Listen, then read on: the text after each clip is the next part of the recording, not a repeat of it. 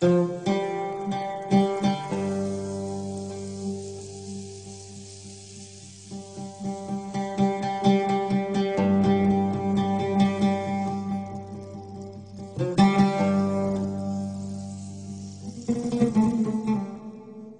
saat beredar berita, para petinggi Quraisy menyediakan hadiah 100 ekor unta betina muda yang hampir beranak.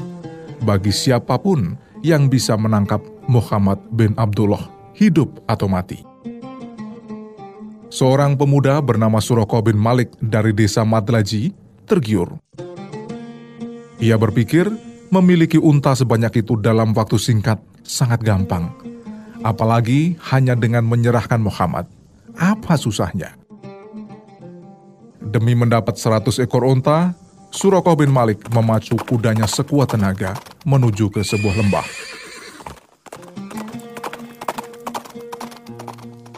Sesaat kemudian, ia melihat buruannya, Nabi Muhammad dan Abu Bakar. Namun ketika berusaha mendekati Nabi, tiba-tiba kudanya tersandung. Surokoh terpelanting dari pelana. Tanpa memperdulikan rasa sakit, ia kembali ke punggung kuda dan memacunya. Namun untuk kedua kalinya, kuda itu tersandung dan lagi-lagi Surokoh jatuh. Belum begitu jauh Surokoh memacu kudanya, dilihatnya Nabi Muhammad dan Abu Bakar sedang melaju meninggalkan Makkah. Ia lalu meraih busur panah di punggungnya. Namun apa daya, tangannya tiba-tiba kaku dan tidak bisa digerakkan sementara kaki kudanya terbenam ke dalam pasir serta menyebarkan debu yang menyebabkan matanya tersapu pasir. Ketika berusaha menyentakkan kakinya, kuda itu tidak bisa bergerak satu senti pun, dan kakinya itu malah semakin terbenam ke dalam bumi.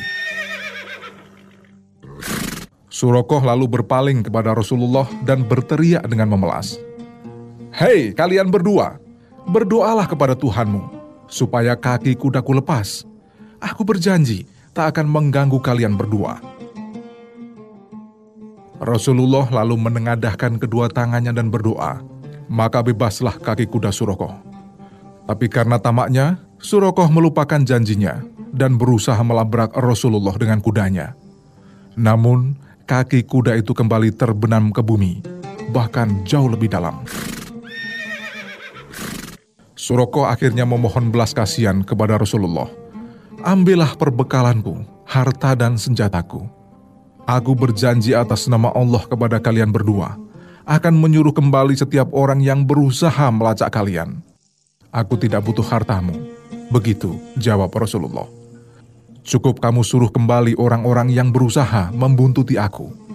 Sesaat kemudian Rasulullah berdoa dan bebaslah kaki kuda Suroko.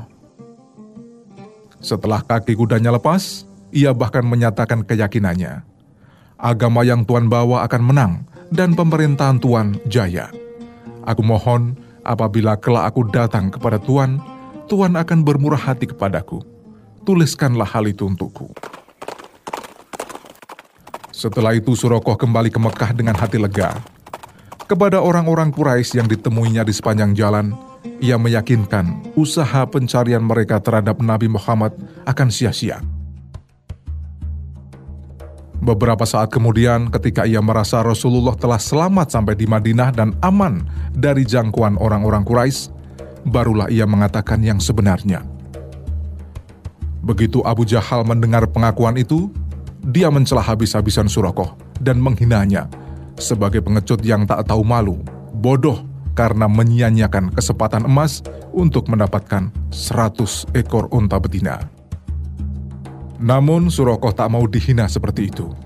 Dia bilang, Demi Allah, kalau engkau melihat dan mengalami peristiwa yang aku alami ketika kaki kudaku amblas ke dalam pasir, engkau pasti yakin dan tidak akan ragu sedikit pun bahwa Muhammad itu jelas Rasulullah. Siapa yang sanggup menantangnya, silahkan.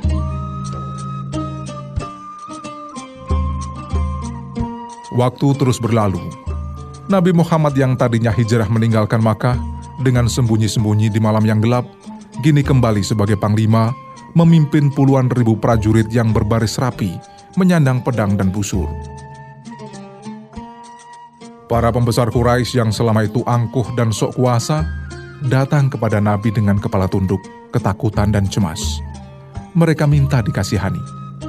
Kata mereka, hukuman apa yang akan Tuhan berikan kepada kami? Dengan nada lembut, Nabi menjawab, Pulanglah, Tuhan-Tuhan bebas sekarang. Suroko juga ingin menggunakan kesempatan itu untuk menghadap Rasulullah hendak menyatakan imannya dan tak lupa membawa tulang bertulis janji Rasul kepadanya 10 tahun lalu ketika ia hendak menangkap Rasul bersama Abu Bakar. Dengan upaya keras, Surokoh akhirnya bertemu Nabi. Lalu Nabi berkata, Hari ini adalah hari menepati janji dan hari perdamaian. Maka setelah berhadapan dengan beliau, Surokoh menyatakan iman dan Islam kepadanya. Suroko diberi umur panjang dan menyaksikan kemenangan pasukan Islam di bawah kepemimpinan Khalifah Abu Bakar dan Umar bin Khattab. Pada suatu hari menjelang akhir pemerintahan Khafilah Umar, Panglima Sa'ad bin Abu Waqqas tiba di Madinah. Mereka melaporkan kemenangan yang dicapai tentara muslimin dan menyerahkan harta rampasan yang diperoleh dalam perang di jalan Allah, Sabilillah. Harta rampasan itu berupa barang-barang emas, intan, dan mutiara pakaian kebesaran kerajaan yang bersulam benang emas bertabur intan permata. Khalifah Umar tampak kebingungan. Ia kemudian berkata, alangkah jujurnya orang-orang yang menyerahkan semua ini. Ali bin Abi Thalib menimpali. Itu semua karena Anda bersih, sehingga jamaah Anda juga bersih. Tapi bila Anda curang, mereka akan curang.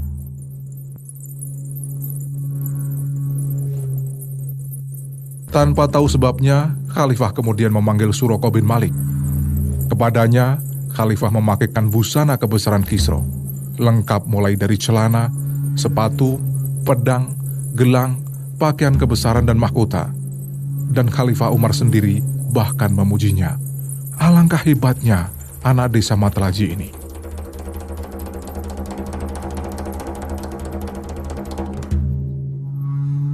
Suroko bin Malik akhirnya tak dapat menahan air mata. Dengan demikian, terbuktilah ucapan baginda Nabi Muhammad Wasallam kepada Suroko 10 tahun sebelumnya, saat ia akan menangkap dan membunuh Nabi. Saat itu beliau berkata, Bagaimana jika suatu saat kamu memakai gelang kebesaran Kisro?